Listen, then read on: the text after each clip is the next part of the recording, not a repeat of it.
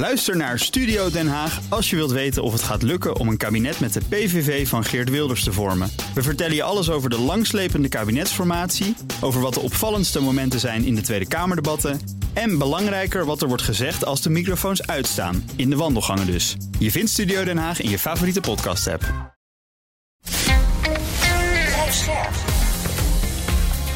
BNR Nieuwsradio. Boekenstein en de Wijk. Hugo Reitsma. Welkom bij Boekenstein en de Wijk. Het is dinsdag, dag 601 van de oorlog in Oekraïne. Maar we richten de blik vandaag geheel op het verwachte Israëlische grondoffensief in de Gazastrook. Dat lijkt onvermijdelijk in reactie op de aanval van Hamas van vorige week. Maar er klinken ook waarschuwende geluiden over de wijsheid van zulk een ingrijpen. Arjan? Ja, het interessant vind ik de artikelen van mensen die allemaal kennis hebben over Irak en daar ook bij betrokken waren bij de invasie en toen daarna probeerden een nieuwe Irakese regering op te bouwen. Hè? Ja, ja. Die, zeggen, die zeggen natuurlijk nu van ja, als je, als je erin trekt en je gaat er ook blijven, waar dus Biden tegen is, en je probeert daar dus een nieuwe regering op te bouwen, nou, dan kan je misschien wel wat lessen trekken van wat bij Amerikanen in Baghdad hebben Nou, dat ging niet helemaal goed. Nee. Dat ging niet helemaal goed. Dus die stukken die zijn eigenlijk heel logisch. En ik, maar ik moet eerlijk gezegd ter, uh, wel eerlijk zijn. En ik geloof ook niet dat de Israël dat wil. Hè. Ze zeggen alleen maar dat ze Hamas willen elimineren. Ze zijn ook niet voor niks 2005 zijn ze eruit getrokken. Hè? En notabene onder Sharon, want ze dat lukte natuurlijk helemaal niet om dat zaak daar te besturen. Je, je kan dat niet doen. Hm. Want je krijgt altijd te maken met mensen die asymmetrisch gaan opereren. Dat is de ene denkschool. Als je mensen daar voorbeelden van willen zien, dan kun je bijvoorbeeld in de New York Times kunnen ze dat gast-essay zien van meneer Thomas Warwick. Die werkt nou bij de Atlantic Council en die was dus namens Amerika, namens State Department van 1997 tot en met 2007 uh, werkte hij daar. En hij zat dus ook in 2002, 2003 in Irak. Hè? Hm. En uh, je, je, weet dat er toen was een enorme strijd tussen het Pentagon en de State Department. Het State Department waarschuwde dat het allemaal zo niet kon. Hm. Nou, andere stukken zijn, die, zeggen, die gaan zich meer richten op dat die invasie uh, van de Gazastrook, dat, dat wordt een disaster. Hè? Dan hebben ze gewoon humanitaire, morele bezwaren, maar ook een strategische bezwaren. Want ja, luister eens, het was nou net zo mooi dat Saoedi-Arabië de Israëlische staat zou gaan erkennen. En dat is natuurlijk ook een uh, Amerikaans uh, belang. Hè? Mm -hmm. uh, en ze wijzen er ook op van, ja, China gaat natuurlijk nu een beetje achter de Gazanen staan. En dan nemen de spanningen met China alleen maar verder toe. En dat is natuurlijk ook geen, geen belang voor, voor Amerika. Hè? er zijn allemaal nog meer argumenten, die zullen we straks wel bespreken. Wat het belangrijke tegenargument is natuurlijk van, ja, Israël moet wat doen, jongens. Je kan niet als er gijzelaars worden genomen, dan kan je niet zeggen, nou, we doen het, maar je moet wat doen. Nou, dat is, dat is nou het hele punt. Uh, kijk, in een van die uh, stukken die je aanhaalde, wordt ook gezegd van ja, het is wel erg emotioneel op dit ogenblik, de emoties overheersen. Uh, maar ik moet eerlijk zeggen, dat zien we ook al op dit ogenblik in het Amerikaanse congres, worden overheersen de emoties ook. De, de, emoties overheersen ook zelfs aan de Nederlandse talkshow-tafels. Dus overal overheersen de de emoties. Maar dat mhm. betekent dus wel dat je echt heel goed moet nadenken. Dat ontslaat je althans niet van de plicht om dat te doen. Met betrekking tot een militaire interventie in die, die, uh, in die Gazastrook. Um, ga je dat fout doen, en daar zijn ongelooflijk veel voorbeelden van hoe je dat fout kunt doen. Door hm. zo onbezonnen in te gaan. Denken dat je een stad in bezit kunt nemen, maar eh, niet goed voorbereid bent op zedelijke oorlogvoering. Het woord asymmetrie is al eh, gevallen, uh, Jan, dat vertelde jij. Het is, zijn asymmetrische reacties. Dus die um, Hamas-strijders die zitten waarschijnlijk onder de grond. Maar die zitten ook ver boven de grond in flatgebouwen. Voor zover die er nog zijn. En dat maakt het ontzettend lastig om dit te doen. Wil je daar met enige kans op succes in, dan zul je verder moeten gaan bombarderen. Ik heb een uh, prachtig kaartje uh, gezien op, uh, op de site van, ik volgens mij de New York Times van twee dagen geleden, waarin de schade in de kaart was gebracht. En die is al enorm, echt enorm. Uh, maar dat kan ook niet anders, want wil je dus een tegenstander elimineren, dan zal je met uh, relatief weinig gevaar voor je eigen troepen dat gebied in moet gaan. En dat betekent dus automatisch dat je eerst de zaak plat moet bombarderen. De hele stad lukt je nooit, dat hoeft niet. Uh, maar je moet wel delen uh, uh, bombarderen waar je in kan gaan, zodat je niet meer ja, compleet bedreigd wordt. Nou, als je dat gaat doen, dan ga je eigenlijk uh, al uh, over de schreef. En dat blijkt ook uit die, die stukken waar uh, Arend Jan aan refereert. Je gaat over de schreef, je gaat ehm, de mensenrechten ter discussie stellen, het humanitaire oorlogsrecht ga je ter discussie stellen. En de kans op succes is vaak helemaal niet zo groot. Maar dus dat is waarschijnlijk te verwachten, als ik jou zo hoor, op voordat een, een grondoffensief komt. Dus dat de, de bombardementen nog worden geïntensiveerd. Misschien als ja, ze dus zeggen van. Uh, ja, ja, ja. Maar dus dat ze ja. misschien zeggen: ja, het noorden is nu ontruimd. Iedereen die daar nog zit, uh, dat is je eigen verantwoordelijkheid. Nu gaat het helemaal plat. Precies de reden waarom die, uh, die bewoners van Gaza uit, uit, het noorden naar het zuiden moesten trekken. Mm -hmm. Dan heb je de vrije hand. Dan heb je de vrij, dan kan je te, A, kun je dan schieten op iedereen die daar nog over is. Die kan je dan beschouwen als commandanten. Daar begint het mee. Uh, twee, je kan uh, doelen plat bombarderen om ervoor te zorgen dat die in ieder geval geen gevaar meer uh, vormen bij jouw opmars in de stad. Ja, weet je, stedelijke oorlogvoering is een van de meest risicovolle, maar ook een van de meest gruwelijke manieren van oorlog voeren. Bovendien moet je ervan uitgaan dat inderdaad die oorlog ook onder de grond wordt gevoerd, want we weten dat er Sommigen zeggen bijna 500 kilometer aan tunnels onder die stad is gegraven. En daar zitten natuurlijk ook waarschijnlijk die gijzelaars. Ja. Dus, uh, uh, of gegijzelden moet je zeggen. En daar zit echt een geweldig probleem. Want hoe krijg je die eruit? Het zou me ook niet verbazen. En ik hoorde dat uh, volgens mij een oud-journalist, Salomon Bouwman, zeggen op, op, op, op een van die praatprogramma's. En die zei van ja, misschien hebben ze gewoon al de gijzelaars opgegeven. Mm -hmm. Mm -hmm. Ja. Maar bedenk ook ik weet, ik weet niet of dat zo is en dat zal ook ja. nooit zo worden erkend en dat mag je ook nooit uh, erkennen. Ja. Maar de facto is het wel heel erg, of de, ja, de facto is het wel heel erg moeilijk om, om die mensen echt ja, op, een, op een ordentelijke manier uit die tunnels te halen als ze daar zitten. Dus, dus de kosten, jongens, zijn dus gigantisch. Hè? Je, je, je kunt ervan, misschien gaan dus al die gijzelaars eraan. Dat is één.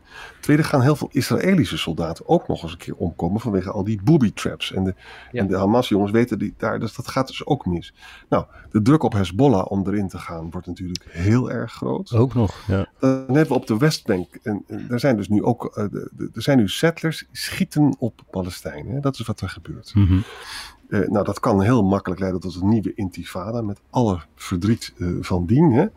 Uh, Jordanië Libanon zitten absoluut niet te wachten op nog meer vluchtelingen. Egypte heeft in, de, in Sinaï allemaal problemen met, met de jihadisten. En, en daar komen dan ook nog eens een keer Palestijnse vluchtelingen bij. Dus het is eerlijk gezegd, Saudi-Arabië gaat Israël natuurlijk niet erkennen onder de situatie. Hè? De relatie tussen Amerika en Saudi-Arabië en Turkije wordt nog slechter. En dat hebben we al gemerkt met de olieprijzen. Dat de Saoedi's niet luisteren naar Bidens verzoek om meer op te pompen. Hè. Er kunnen in de, in de golf, jongens, kunnen gewoon weer uh, de, de, de, olieschepen kunnen worden aangevallen. Weet je nog met die 2019, die Abqaiq uh, raffinaderij. Hè? Hoe de ja. olieprijzen omhoog gaan. Hm. Dus het is, maar goed, het is allemaal waar. Wat ook waar is, Israël moet wat doen. Maar kan het Israëlische leger dit allemaal aan? Dus sowieso al die, een stadsoorlog in Gaza, maar als daar ook een opstand op de Westoever bij komt, misschien Hezbollah erbij komt, eventueel zelfs Iran. Wat, wat kunnen ze aan? Hangt er vanaf wat er gebeurt. Ik bedoel, er is niet voor niks een waarschuwing uh, uh, gekomen van de Israëlische regering aan Hezbollah in, uh, in Libanon en de proxies van Iran, dus de strijdgroepen van Iran in Syrië. En daarmee ook aan het Syrische bewind.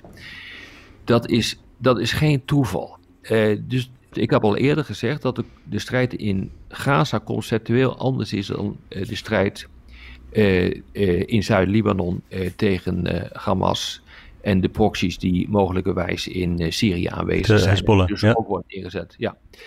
En uh, ja, daar zit dus een geweldig probleem in. En dat als Hezbollah in actie komt, uh, gesteund bijvoorbeeld ook door groepen die in Syrië zijn, dan heeft het veel meer weg van een, van een interstatelijke oorlog. Ja, ja. Dan, dan gaat het afschrikkingsevenwicht werken. dat is niet het geval in Gaza. Dat is gewoon een, uh, een operatie gericht op het elimineren van uh, Hamas in die stad. En dat is conceptueel is dat totaal anders. Ja. Dus dat moet je uit elkaar trekken, die twee. Ja. Kan Israël dat aan? In principe zouden ze Gaza aankunnen, mits ze de hele boel plat bombarderen. Maar dat stuit op enorm veel bezwaren, ook van de internationale gemeenschap en ook van de Amerikanen die zeggen van dit willen we niet. Uh, je moet ervoor zorgen dat je een soort struikeldraad, een tripwire hebt in het, um, in het noorden van Israël ten aanzien van uh, Hezbollah en Syrië. Om ervoor te zorgen, er zal onvoorstelbare schade worden aangericht als jullie gaan aanvallen. Nou, dus een, en dan praat je over, over afschrikking. En ik mag het bijna niet zeggen, maar dan praat je ook over kernwapens. Want daarvoor heeft, heeft Israël die dingen. Ja. Ja. Weet je wat ik ook een interessante observatie vind? Van, weet je, tot bij 9-11 werd er gelijk gesproken over een oorlog. Hè? Terwijl een oorlog is natuurlijk tussen staten. Hè? Dit, dit, een terroristische aanslag is niet een klassieke oorlog tussen staten. Nu wordt eigenlijk weer dezelfde fout gemaakt. Hè? We are on war. Ja. En dat leidt, en het is, maar dit, dit, is niet een oorlog die je, het is geen oorlog en die kan je dus ook niet beslechten alleen maar met militaire middelen uiteindelijk, het klinkt misschien heel erg soft wat ik nu zeg, maar uiteindelijk is dit echt een soort conflict dat alleen maar duurzaam kan worden opgelost met politieke oplossingen. Ja, natuurlijk, natuurlijk is dat zo, uh, Arend Jan. Eh, dat, dat valt nu niet in goede aarde als je dat zegt, maar het is natuurlijk wel waar. Dat, kijk, het meest interessante, jij, jij hebt het, twee stukken heb je, heb je geciteerd. Het ene stuk van Warwick in de New York Times.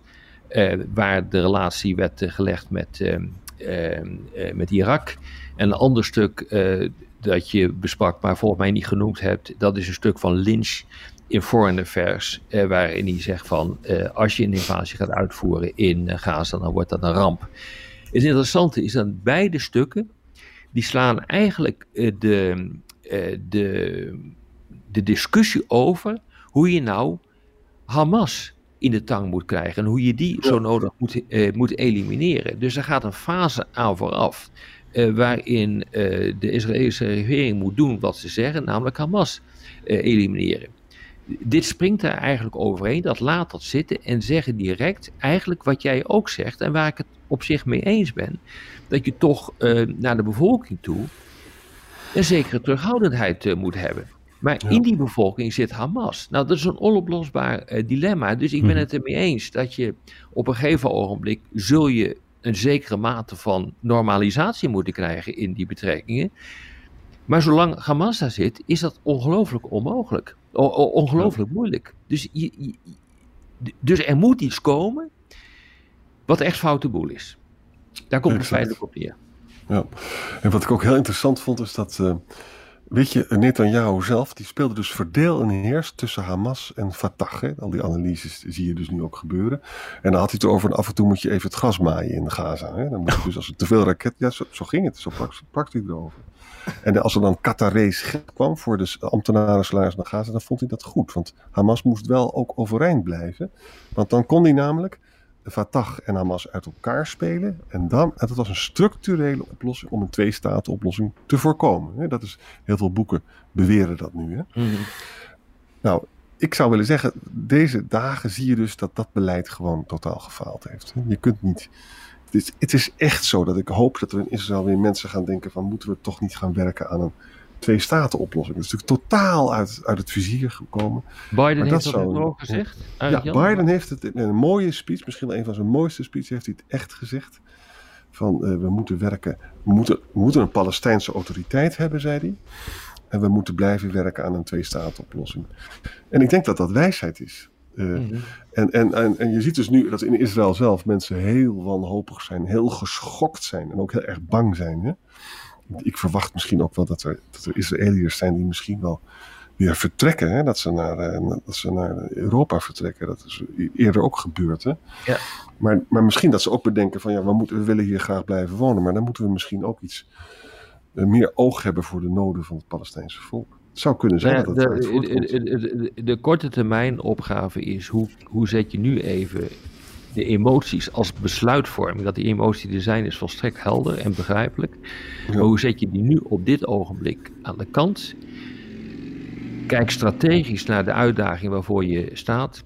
En neem dan de besluiten waardoor het niet helemaal uit de klauwen loopt. Hm. Want alle auteurs die we op dit ogenblik lezen, die waarschuwen allemaal voor escalatie. En dat is iets wat je absoluut moet voorkomen. Dat is het ene punt. En het tweede punt wat je moet voorkomen, is dat je niet totaal de grens overgaat van de schending van het uh, humanitaire oorlogsrecht en daarmee de mensenrechten. En waardoor je eigenlijk ook de risée begint te worden uh, van, uh, van de wereld en je positie ook gaat verspelen in de westerse wereld. Hoe begrijpelijk het ook allemaal is. Ja. Ja, dus het komt er, lijkt het een beetje op neer dat de Israëli's zich bijna gedwongen voelen om iets te doen waarvan ze misschien zelf ook wel weten dat het dom is en rampzalig. Ja. Dat denk ik wel. Ja, ik denk dat het een goede conclusie is. Hey, en dan nog even één punt uh, terug uh, waar we het hadden over van ja, Israël wil het niet bezetten, uh, de Gazastrook. Maar ja, geldt daar dan niet een beetje wat, wat de Amerikanen willen zeggen, when you break it, you own it. Als, als zij daar intrekken, ja. ja. dan zullen ze er iets mee moeten. dat klopt. Dat klopt. Als je, gaat, als je een invasie gaat uitvoeren, dat, daar zijn de Amerikanen ook achter gekomen in Irak. Toen ze dat land in, wanneer was het, 2003 binnenvielen toen werden ze daarmee ook de trotse eigenaar van een land genaamd Irak. Daar komt het neer. Want je kunt dus Hamas kun je wel uh, eruit gooien. Maar op het moment dat er niet onmiddellijk een nieuwe regering is met uh, mensen waar je wel mee kunt uh, werken, dan ben je gewoon verantwoordelijk voor de veiligheid in, ja. in, in, in Gaza. Ik bedoel, het is, het is niet anders. Het grote probleem, jongens, de Fatah is, is corrupt. Abbas is, is hartstikke oud. Dus die zijn niet, die kan je daar niet zomaar neerzetten. En dan, ze willen dus nu de steun van Egyptenaren, maar die willen niks te maken hebben met uh, de moslimbroederschap hè, van, van de Hamas. Uh, de Emiraten zitten ook echt niet te wachten om de rotzooi op te ruimen van Israël, om het zomaar eens te zeggen. En de Saoedi's al helemaal niet. Kijk, als de Saoedi's niet in staat zijn om de Houthis te verslaan in Jemen, dan denk ik ook niet dat ze zo'n geweldige peacekeeping force zullen zijn. Hè? Of wie heeft er zin in om in een gebied te gaan waar zoveel mensen wonen die zo ongelooflijk kwaad zijn? En vaak om hele geldige redenen ook. Nou ja, je kan er wel een peacekeeping force in zetten, maar die zal dan uh, moeten bestaan uit uh, niet-westerse landen, denk ik. Dus dan uh, krijg je peacekeepers uit Afrika of Fiji, die trouwens altijd al een grote leverancier is geweest van peacekeepers. Ja. dat zou heel goed kunnen. Ik wens ze veel succes toe. Peacekeeping betekent dat er moet een peace zijn om te keepen. Hè? En, en, en, er is eigenlijk geen peace. Er is gewoon een, uh, een vacuüm dan. En, en, heel veel haat en woede. Huh? Ja. Maar goed, zwarte dagen zijn het. Ja. Voor deze zwarte dag dan maar weer bedankt. Ja. En tot een volgende. Tot morgen. Tot morgen. Ook Harm Edens vind je in de BNR-app. Je kunt BNR Duurzaam niet alleen live luisteren in de app, maar ook terugluisteren als podcast, zoals al onze podcasts. En naast dat de BNR-app Breaking News meldt, houden we je ook op de hoogte van het laatste zakelijke nieuws. Download nu de gratis BNR-app en blijf scherp.